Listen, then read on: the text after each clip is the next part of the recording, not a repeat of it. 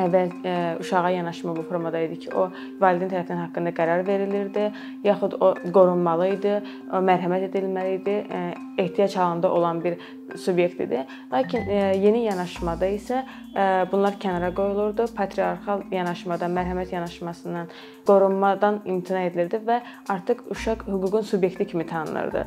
Ə, və ə, necə ki, insan hüquqları bəyannaməsində ə, insana ə, ifadə azadlığı, insanın bir fərd kimi qəbul edilməsi və hüquq subyekti kimi qəbul edilməsi məsələsi qoyulmuşdur. Eyni zamanda da iştirak prinsipi ilə uşaq da ə, hüququn subyekti kimi qəbul edildi və hüquqlara sahib olan, öz həyatı ilə bağlı, ona təsir edən məsələlərlə bağlı qərar qəbulunda iştirak etmək hüququ olan bir fərd kimi tanındı, qəbul edildi.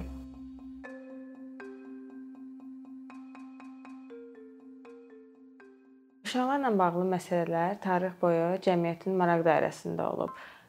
Lakin uşağa yanaşmalar bütün tarixi inkişaf prosesində eyni qaydada olmayıb. İlk vaxtlar həm şərqdə, həm qərbdə klassik dövrlərdə uşağa mülkiyyət yanaşması var idi. Uşaq valideynin, xüsusən də atanın mülkiyyəti hesab olunurdu və barəsində qərar verilən bir subyekt idi.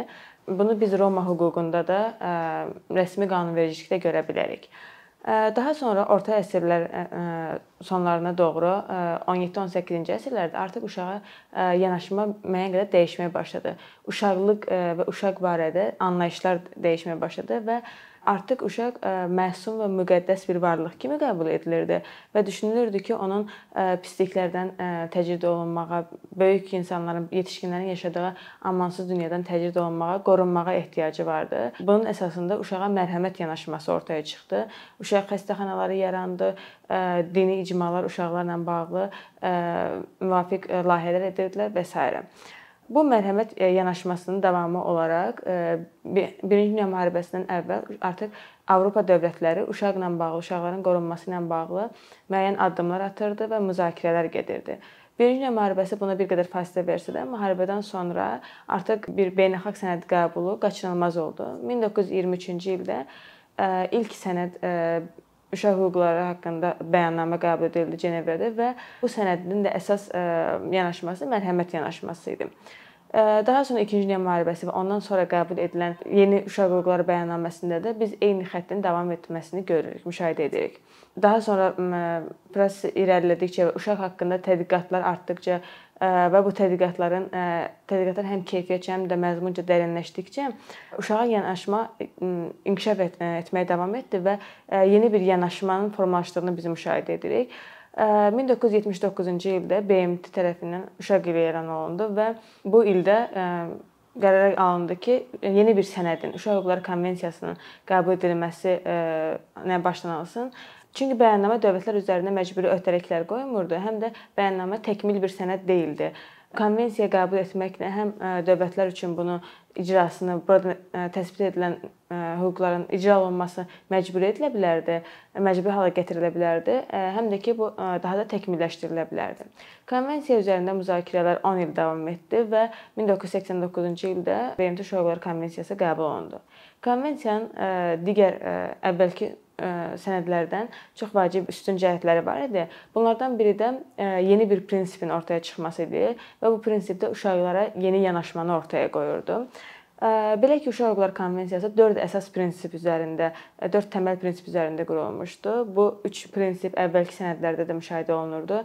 Ayrı seçkiliyə məruz qalmama, uşağın üstün mənafeyi, uşağın yaşamaq və inkişaf hüququ. Lakin bu dördüncü prinsip yeni idi, iştirak prinsipi və bu artıq uşağı hüququn subyekti kimi tanıyırdı, bir fərd olaraq qəbul eləyirdi və bu əvvəlki yanaşmalardan çox-çox fərqli idi əvvəl ə, uşağa yanaşma bu formada idi ki, o ya valideynin ə, valideyn tərəfindən haqqında qərar verilirdi, yaxud o qorunmalı idi, o mərhəmət edilməli idi, ə, ehtiyac halında olan bir subyekt idi.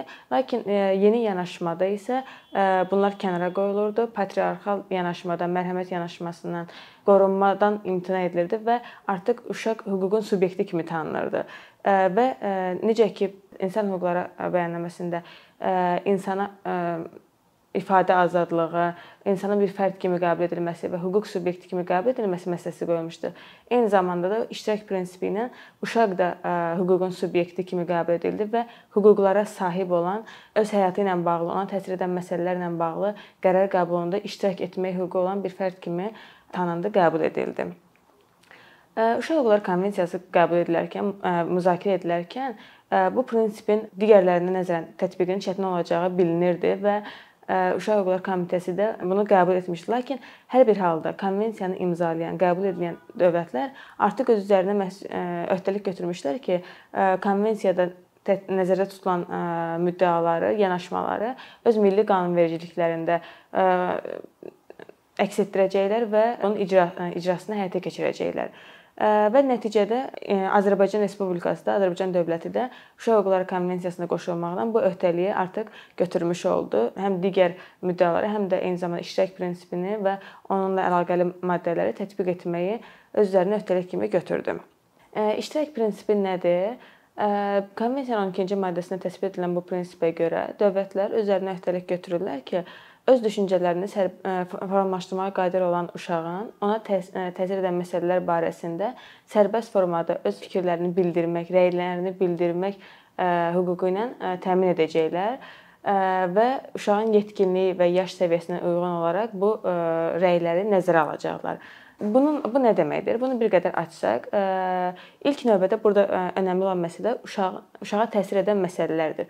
Uşağa təsir edən məsələlər dedikdə burada onun qidalanması, geyimi, təhsil alması, sağlamlığı, gündəlik həyatda ünsiyyət qurduğu insanlar, dostları və s. ən bəsit və təməl məsələlərə bunu biz endirə bilərik İlk növbədə e, elə anlaşılır ki, bu sadəcə e, çox həyati məsələlərdə uşağın e, rəyi soruşula bilər. Məsələn, ailənin boşan ayrılması zamanı, boşanma məsələsində uşağın kimdə qalması, məhkəmə və digər inzibati məsələlərdə. Düzdür, bu məsələ prosedurlarda da konvensiya uşağın rəy bildirmək hüququnu tanıyır və dövlətlərin bu hüququ təmin etməsi üçün dövlətlərin üzərinə öhdəlik qoyur. Lakin bu bilinən, ictimaiyyətə məlum olan bir məsələdir. Lakin iştirak prinsipi bu qədər həyati məsələlər sadəcə nəzərdə tutmur. Ən təməl, ən sadə məsələlərdə də uşağın rəy bildirməsini və bu rəyin nəzərə alınmasını təşviq edir. Bu nə üçün vacibdir? Bu uşağın bir fərd kimi böyüməsi, şəxsiyyət olaraq formalaşması üçün vacibdir və bu onun gələcək həyatına və ümumilikdə cəmiyyətin gələcəkdə cəmiyyətin həyatına təsir edəcək. Çünki fərd kimi böyüyən, şəxsiyyət kimi böyüyən, öz həyatı ilə bağlı qərar qəbulunda, qərarların, məsələlərin müzakirəsində iştirak edən, öz rəyini bildirən və bu rəyin nəzərə alındığını həm ailə tərəfindən, həm məktəb tərəfindən, səhiyyə xidmətləri tərəfindən, dövlət tərəfindən, məhkəmə tərəfindən onun rəyinin nəzərə alındığını görən uşaq özü ilə bağlı özünü bir şəxsiyyət kimi görəcək və bu cür şəxsiyyət kimi formalaşan insanlardan ibarət cəmiyyət də daha müsbət, daha faydalı istiqamətdə olacaqdır. Və dövlətlərin burada üzərinə düşən ən vacib öhdəliklərdən biri də uşaqlar üçün bu fikirlərini, rəylərini ifadə etməsi üçün mexanizm yaratmaqdır. İlk növbədə dövlət elə bir şərait yaratmalıdır ki, öz uşaq öz fikirlərini sərbəst formada ifadə etsin. Bu nə deməkdir? Uşaq manipulyasiyaya məruz qalmasın, təzyiqlərə məruz qalmasın, yaxud əgər uşaq hər hansı bir məhdudiyyətlə üzləşirsə, məsələn, sağlamlıq imkanları məhdud uşaqdırsa, yaxud dövlət dilini bilməyən uşaqdırsa və sair bu cür situasiyalardan uşaqdırsa, onun ifadə etmə, öz fikirlərini, rəylərini ifadə etməsi üçün əlavə imkanlarla onu təmin etməlidir və onun üçün daha əlavə şərait yaratmalıdır. Həmçinin burada bir önəmli məsələ də uşağın yetkin, sadəcə yaşının deyil, yetkinliyinin də nəzərə alınmasıdır. Yaş məsələsi Yaş və yetkinlik məsələsi üst, bəzən üst-üstə düşməyə bilər. Uşaqlar bioloji inkişaf xüsusiyyətlərinə görə, səviyyələrinə görə bir-birindən fərqlənə bilirlər. Bu zaman dövlət uşağın rəylərini nəzərə alarkən onun sadəcə yaşına baxmamalıdır. Həmçinin də onun yetkinlik səviyyəsini müvafiq mexanizmlərlə, vasitələrlə ölçməlidir. Burada məsələn psixoloq xidmətindən, sosial işçi və sair xidmətlərdən istifadə edilə bilər. Əslində mütəxəssislərə görə uşaq öz fikirlərini hətta çox-çox kiçik yaşlarda da öz rəyini ortaya qoya bilər, öz düşüncələrini formalaşdıra bilər. Bu e, sadəcə şifahi formada, nitq formasında olmalı deyil. Yəni ondan əlavə olaraq da uşaq şəkil çəkməklə, müəyyən davranışlarla öz rəyini ortaya qoya bilər və dövlət bütün vasitələrdən istifadə etməlidir ki, uşağın rəyini öyrənsin və bunun lazım olduğu təqdirdə, yəni uşağın yetkinliyi imkan verdiyi təqdirdə nəzərə alıb tətbiq etsin. Dövlət iştirak prinsipini necə həyata keçirə bilər, onun tətbiqini necə reallaşdıra bilər? Burada bir neçə forma mövcuddur. Təbliğat bu bunlardan ilk yoldur. Məsələn, ailələrlə bağlı uşağın ailədə iştirak hüququnun tətbiqi ilə bağlı dövlət öz müvafiq qurumunun üzərinə öhdəliklər qoya bilər, ona tapşırıqlar verə bilər ki, təbliğat yolu ilə bu, bu barədə ailələrdə, valideynlərdə fərqindəlik yaratsın və bu e, barədə məlumatlandırma olsun, maarifləndirmə həyata keçirilsin. E, digər bir yol e, dövlətin mexanizmlər yaratmasıdır, institutlar formalaşdırmasıdır. Məsələn, bunu məhkəmələrdə, inzibati orqanlarda edə bilər. Həmçinin də qanunvericilik yolu ilə dövlət bunu həyata keçirə bilər. Məsələn, məktəb və səhiyyə xidmətlərində, təhsil və səhiyyə xidmətlərində artıq dövlət bu sahəni tənzimləyən qanunvericilik aktlarında müxtəlif səviyyələr, həm qanunlar, həm nazir icra orqanlarının qərarlarında bununla bağlı müddəalar nəzərdə tuta bilər məktəblər üçün, səhiyyə ocaqları üçün və bunun icrasını tənzimləyə bilər.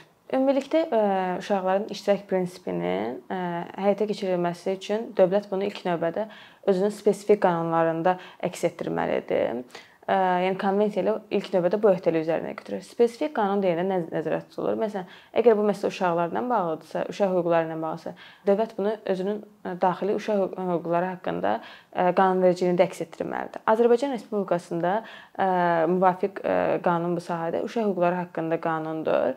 Biz bu qanuna baxdıqda burada təəssüf ki, iştirak prinsipi ilə ayrıca bir maddə kimi görmürük. Həmçinin konvensiyanın özündə baxdıqda da biz iştirak prinsipini hər hansı bir maddəyə yayılmış formada görmürük. Yəni maddə adında olmasa belə bizim qanunda, Azərbaycan Respublikası uşaqları haqqında qanununda belə bir maddə var. Uşaqların ifadə azadlığı.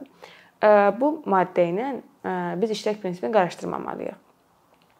Uşaqların ifadə azadlığı ümumilikdə insanların ifadə azadlığı ilə paralel bir hüquqdur Bu nəyi bildirir? Uşağın cəmiyyətdə baş verən hər hansı bir hadisə ilə bağlı, özünün əldə etdiyi məlumatlarla bağlı və s. öz fikirlərini dilə gətirmək. Yəni bu məsələ ona təsir etsin və ya etməsin, uşağın fikir bildirmək, bu informasiya əldə etmək, bu informasiyaları bölüşmək, həm kiçik qruplarda, həm ictimai formada, publik formada və s. sadəcə uşağın öz fikirlərini ifadə etməsi, formalaşdırması və ifadə etməsi bu mənaya gəlir. Bu klassik ifadə azadlığıdır. Lakin iştirak prinsipi isə uşağın sırf ona təsir edən məsələlərlə bağlı rəy bildirməsi, onun həyatı ilə bağlı qəbul edilən qərarlarda iştirak etməsini bildirir. Bizdə bizim qanunvericilikdə isə bu nəzərdə tutulmayıb təəssüf ki. Digər qanunlara baxdıqda uşaqlarla bağlı məsələlər tənzimləyən müddəalarda bəzi hallarda rast gəlinir bu prinsipin izlərinə. Məsələn, Ailə Məcəlləsində nikah pozulduqda valideynlər arasında uşağın kimdə qalması məsələsi, uşağın hansı valideynlə yaşamağa davam etməsi məsələsi bu zaman uşağın rəyi nəzərə alınır. Uşağın rəyi soruşulur və onun yaşına uyğun bildirdiyi rəy nəzərə alınır. Həmçinin də digər bir neçə məsələ də var. Lakin bunlar dağınıq formadadır və spesifik qanunda deyil. Bunlar yan qanunlarda, digər əlavə qanunlardadır və bu iştirak hüququnun prinsipinə hələ ki bizdə çox da əhəmiyyət verilmədiyini göstərir.